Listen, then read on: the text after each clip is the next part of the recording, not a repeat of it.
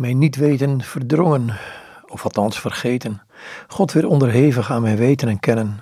De God waarin de atheïst niet gelooft, is niet mijn God, de God waarin ik geloof. Denk ik u te kennen, dan ben ik mijn niet weten vergeten. Het kruis ontmaskert mij, mijn poging God in te palmen, de pijn te ontvluchten, dat Hij die is met me is, zo anders, zo oneindig meer anders is.